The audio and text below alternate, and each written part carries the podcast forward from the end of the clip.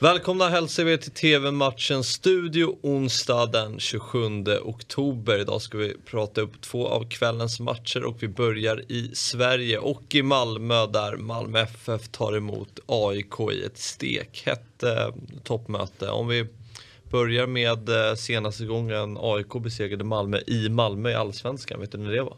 Nej. 13, 17 augusti 1996. Mm. Eh, och jag tror att den sviten håller. Mm.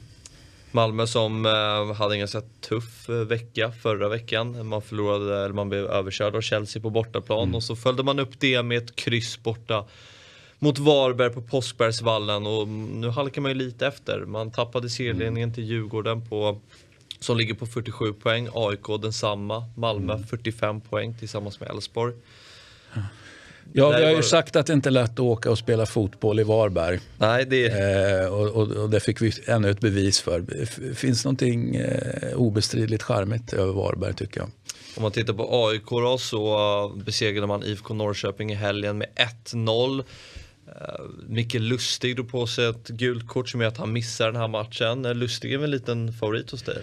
Eh, han har hållit väldigt högt genom åren, absolut. Nu är han ju på ålderns höst och, och en eh, klart sämre spelare. För jag vill, mm, det, det inser jag också. Men jag, jag tyckte han varit helt fantastisk faktiskt. Eh, inte minst i landslagsperspektiv. Då strålande högerback. Mm. Men då är det räknat med att du tycker att det är ett tungt tapp i alla fall, även fast han har tappat lite? Ja, men det är klart att han behövs. Vi har ju pratat eh, x antal gånger om, om den eh, inte så imponerande bortaformen för AIK Nej. och då tänker jag att en sån spelare som, som Lustigen då är viktig i, i ett sånt perspektiv. Så det är klart att det är ett tapp. Sen hur tungt det är, det vet jag inte riktigt. Jag, jag fokuserar mer på det bedrövliga bortafacit som AIK har. Det känns ju som just ett facit. Alltså att vi, mm. vi, Inga tillfälligheter. Det, det, är så bara. Mm. Eh, och det kommer att vara så den här säsongen. Eh, tråkigt för AIK men, men eh, desto roligare för de andra uppe i toppen. Mm. Och Malmö har ju ganska bra målskillnad. AIK har ju sämre än många lag där uppe. Så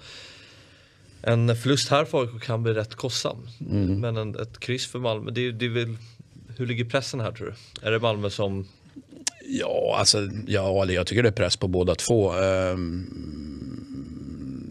jag vet inte om det är mer press på någon. Jag, alltså, jag tycker det gäller väldigt mycket för båda två. Så att 50-50. Men du tror på Malmö-seger här? Tror på Malmö-seger. Mm. Så att det blir en, en, jag tror att det blir en kostsam då, för att citera dig, eh, onsdag kväll nere i Malmö för AIK. 19.00 drar matchen igång och ni ser den på Discovery+. Nu till Italien och Serie A där Sampdoria tar emot Atalanta, en match som eh, drar igång 18.30 och eh, ja, Atalanta, vad, vad har vi dem efter den här veckan som eh, var. Man tappade ju en 2-0-ledning till förlust 3-2 mot United och sen eh, spelade man oavgjort i helgen mot Udinese. Vad, mm Eh, där vi har dem egentligen, det som eh, så att säga, mm, på något sätt kännetecknade båda de här matcherna, det var, det var liksom ett klassiskt Atalanta, det vill säga att man, man leder med två, släpper ändå in tre mot riktigt bra motstånd. Eh, eller ja, United ska ju vara riktigt bra motstånd i alla fall. Så, så, så det, det, tycker jag det, det, det, är någonstans inte hela världen. Eh, och det är väl egentligen inte hela världen om man bara tittar så säga, på ja, hur matchen såg ut mot Udinese egentligen. Det är klart att det inte är önskvärt att bli i, på hemmaplan. på hemmaplan och man ledde och så vidare. Då. Men man har ju så stora skadeproblem. Spelar ju, eh, man, tving, man tvingas ju spela eh, mittfältare i backlinjen då, mm. bara för att vara väldigt tydlig. Så att vi får väl se nu eh, hur, hur, det blir med om, det, om, de, om de kan få tillbaka Toloi till exempel i, i backlinjen då, så inbillar jag mig att det kan se liksom, eh, lite bättre ut. Men, men med det sagt, Atalanta börjar lite så säga, småknackigt kan jag tycka för att vara Atalanta, seriespelet. Och sen så spottar man upp sig ganska rejält. Och, och, och jag känner att man har varit tillbaka. Så jag um, tycker att de ändå har en, en, en, en hyfsad form. Och Ilicic sprattlar, rör på sig. Mm. Eh, jag, säger inte, jag, säger inte, att han är tillbaka, men han är på väg tillbaka och, och det är klart att det är viktigt i, i ja, det är viktigt för Atalanta. Kan man få igång honom så är det bara att tacka ta emot. Mm.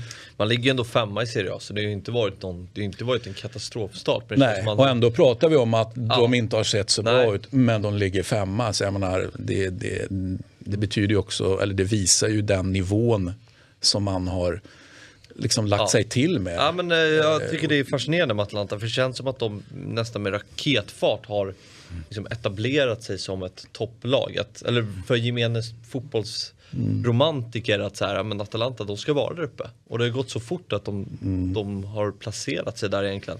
Men, um... Ändå så pratade deras president och Antonio Percassi i veckan om att säsongens enda målsättning är att klara kontraktet. Mm. Ja, det, är... det, är ju ett, eh, man kan ju säga att det, är ett uttalande som faktiskt sticker ut ändå. Med Men tanke i, på vad man har presterat senaste säsongerna. Ja, om vi tittar på ikväll då. Äh, möter man Sampdoria på mm. Luigi Ferraris. Mm. Äh, som vann senast mot Spezia utan Albin i Ekdal i laget. Vad, ska vi förvänta oss en bortaseger här eller? Ja, vi ska förvänta oss mål i alla fall, det, mm. det, kan vi vara överens om. Ehm, jag tycker att Atalanta är det bättre. Alltså Sampdoria har ju ändå spelat, men fått, spelat bra men fått med sig eh, få poäng. Men, men har vi de här grejerna. Det är någonting med Sampdoria. För tittar du startelvan här så kan man tycka att ja, det där är, det är, det är en skön startelva. Det är en bra startelva.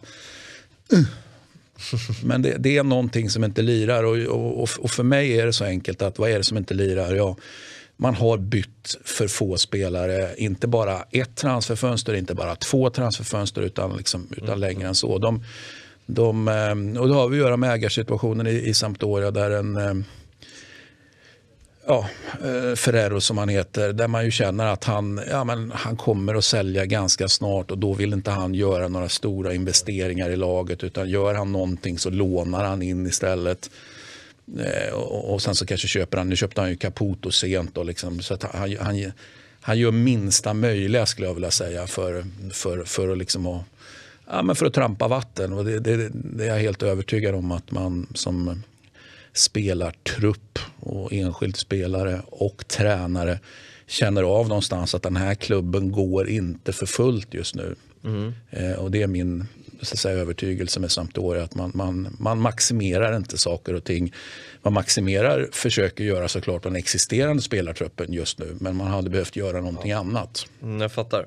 Så, men eh, kvällens match då? Vad, Nej, jag säger Atalanta. Säger Atalanta. Jag säger Atalanta. Men, men vi får ju se när, när, när de blåser till spel och så vidare om vi, verkligen, om, om vi kan få tillbaka, eh, alltså, flera är ju skadade månadsvis. Ja. De kommer ju såklart inte tillbaka men jag tänker på Toloi till exempel så att man då kan spela faktiskt med backar i backlinjen och, och, och mittfältare på mittfältet. Det, det blir bättre då. Mm, det brukar vara en bra förutsättning för att mm. vinna matcher. Eh, men Atalanta vinst, matchen startar som sagt 18.30 och ni ser den på Simor Live 4.